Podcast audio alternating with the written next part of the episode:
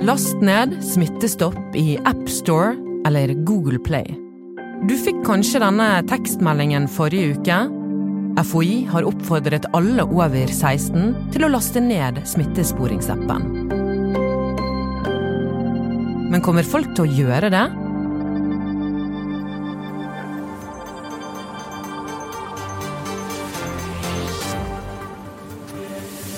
En app i lommen som varsler smitte. Og munnbind på alle nordmenn er det koronafremtiden som er rett rundt hjørnet.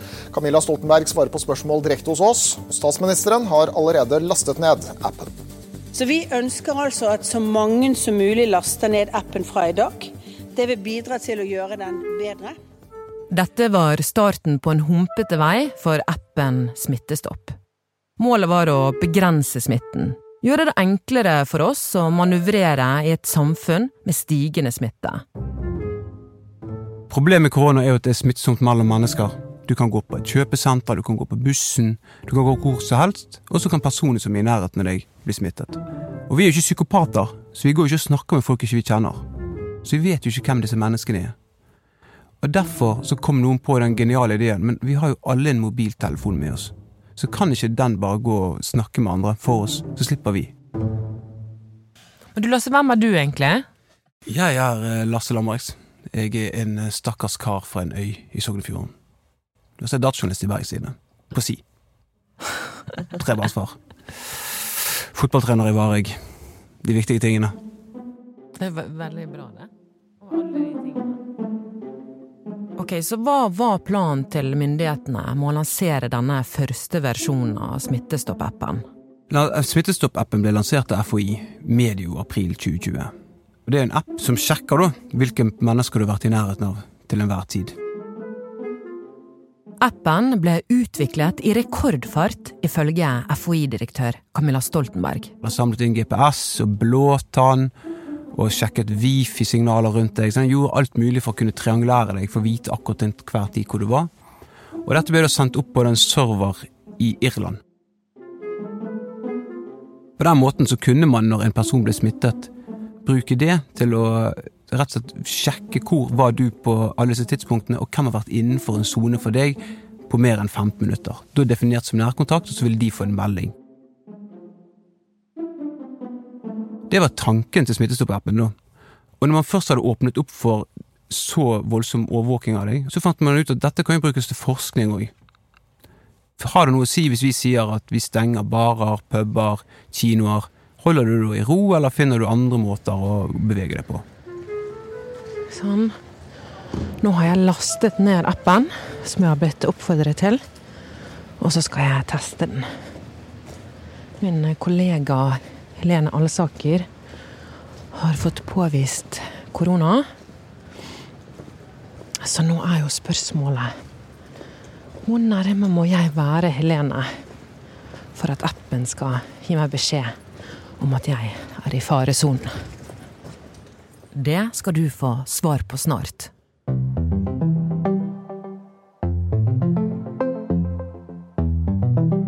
Lasse, denne appen, hva skjedde da den ble lansert? Jeg tror det var en enorm optimisme. Folk var lei av å sitte inne. Myndighetene hadde vist hashtag handlekraft. Hadde fått på plass noe som skulle kunne gjenåpne samfunnet mye fortere for dem. Eh, regjeringen var sikkert giret, eh, FHI var giret, alle var giret. Forskerne var giret for at de kunne få data å forske på. Så det var høy, høy stemning. Det første problemet som dukket opp for en vanlig bruker, batteritiden var jo bare forsvant. Altså Den spiste jo batteriet ditt kjempefort. Alle som husker Pokémon Go-bølgen, husker jo at alle gikk rundt med åtte-ni batterier i lommen. Det kommer jo ikke folk til å gjøre for å ha gående en smittestopp-app, så det var det første liksom, hinderet de møtte på. Det andre var at noen da begynte å være litt voksne i hodet og sa hva er det dette her? Hva er vi gjør nå? Nå har vi da en stat, altså en nasjonalstat som får borgerne våre til å laste opp dataene på en server i Irland om hvor de har vært til enhver tid. Dette ser jo ikke bra ut. Nå er vi i selskap med en del nasjoner vi ikke har lyst til å være i selskap med. Amnesty sa at den var en av de mest inngripende sporingsappene i verden. De sammenlignet den med appene til Bahrain og Kuwait. Er uenig med deres konklusjon om at den er i strid med menneskerettighetene. Jeg mener tvert imot at eh, appen er jo frivillig for alle å laste ned. Eh, og den er en viktig del av vår beredskap. Hver dag så laster vi ned apper, eh, godkjenner cookies. Eh, mange av oss er på Facebook hvor det er ekstremt mye informasjon om oss.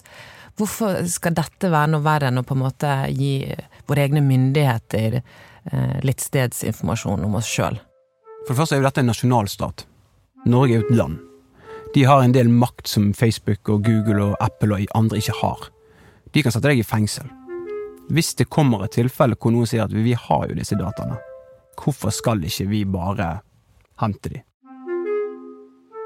Et annet problem er jo at alle disse dataene som da ligger på denne serveren i Irland, er jo verdens største hackermål.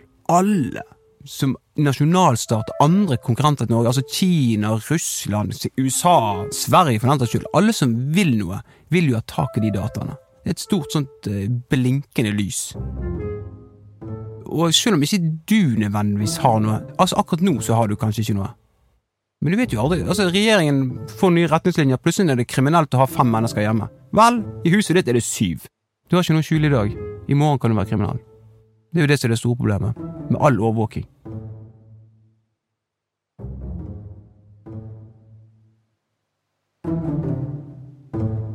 I juni 2020 kom det et varsel fra Datatilsynet.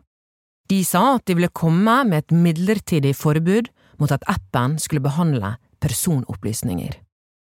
Tilliten til folk sank. Den var ikke mer brukt enn 600 000 til slutt, var det vel som hadde brukt den. Og da sa Datatilsynet til slutt at nå er det så lite smitte i samfunnet, den har så få aktive brukere. Dette er altfor inngripende i sammenlignet med hva vi oppnår. Vi, dette kan ikke stå. Da trakk FHI appen.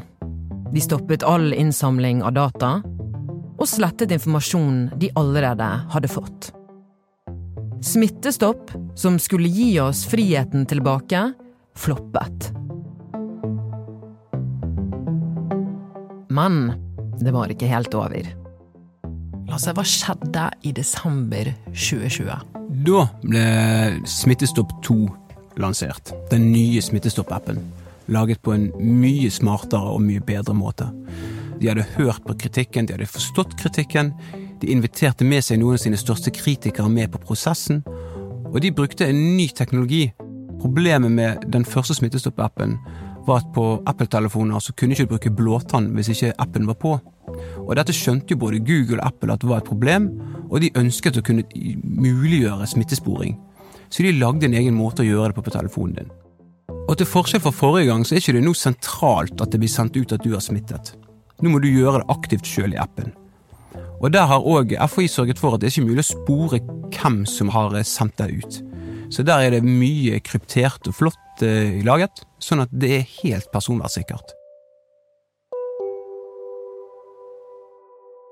Og det er den jeg har installert. Hei, Lena. Hei. Hvordan går det med deg? Um, det går ganske greit nå, egentlig. Jeg var litt uh, dårlig i løpet av helgen, så har jeg vært ganske dårlig, men uh, jeg begynner å bli bedre nå. Det er godt å høre. Nå står jeg rett utenfor døren din. Skal vi ta og sjekke den eh, Smittestopp-appen, eller? Det kan vi gjøre. Mm, Helene registrerer seg som smittet. Da deler jeg. Da står det 'Takk for at du bidrar til å stoppe smitten. God bedring. Testresultatet ditt er delt'. Jeg tror jeg skal liksom ta mobilen min liksom tettere opp mot døren. Fikk du noe? Det skjer jo ingenting her. Får kanskje bare gi han litt tid, da. Ja. Denne versjonen av appen ble lastet ned over 1,1 million ganger. Men for at appen skal funke, må folk huske at de har den. Og så skjer det sånn som det alltid skjer, for nå får du utrolig mange smarte hoder til å jobbe sammen. Folk jobbet på dugnad. Folk involverte seg ganske kraftig. Fikk lansert da Smittestopp 2, og så gikk alle og klappet seg sjøl på ryggen og var kjempefornøyd. Nå har vi laget verdens beste app. Dette er jo strålende. Alt er privat. Her er det ingen problemer. Bortsett fra én ting. De glemte at noen skal bruke den. Når jeg sjøl fikk positiv koronatest, så sto det ingen steder der at husk Lasse å bruke Smittestopp-appen og varsle ifra om at du har fått korona. Sånne enkle ting glemte man. Og man kunne kanskje gjort noe mer spennende rundt det. Gjort et eller annet, Påminnet folk at du har en. En eller annen måte må du sørge for at brukerne dine eh, husker at den er der. Kanskje man kunne fått noe annet inn i den appen som gjorde det interessant. Man kunne kanskje bakt koronastatistikk inn i den appen. Og så forsvant jo koronaen en periode. Så hva er det da? Da blir det i hvert fall helt uh, borte fra hjernen til folk. Og når nå fikk den nye store bølgen, så så man da sikkert FHI at det er jo ingen som Altså folk melder ikke fra. Jeg tror Aftenposten hadde en sak om at kun 5% av brukerne meldte fra at de hadde fått korona. Og dette går jo ikke. Så nå fikk jo alle en SMS fra FHI. Så minte de på at du må laste ned Smittestopp-appen. Og jeg tror alle som hadde den installert, tenkte å, Skidos, jeg har jo den allerede. Den er jo her. Jeg har bare glemt at jeg hadde den.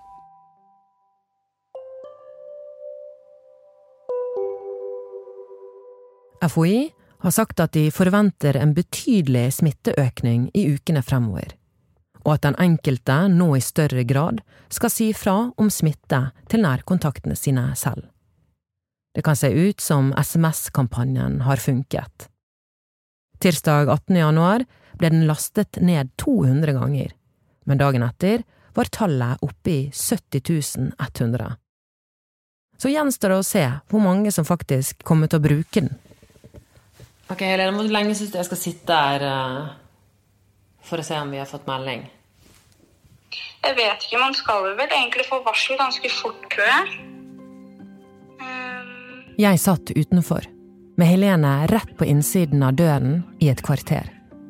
Det har gått ett døgn, og jeg har fortsatt ikke fått noe varsel i min app.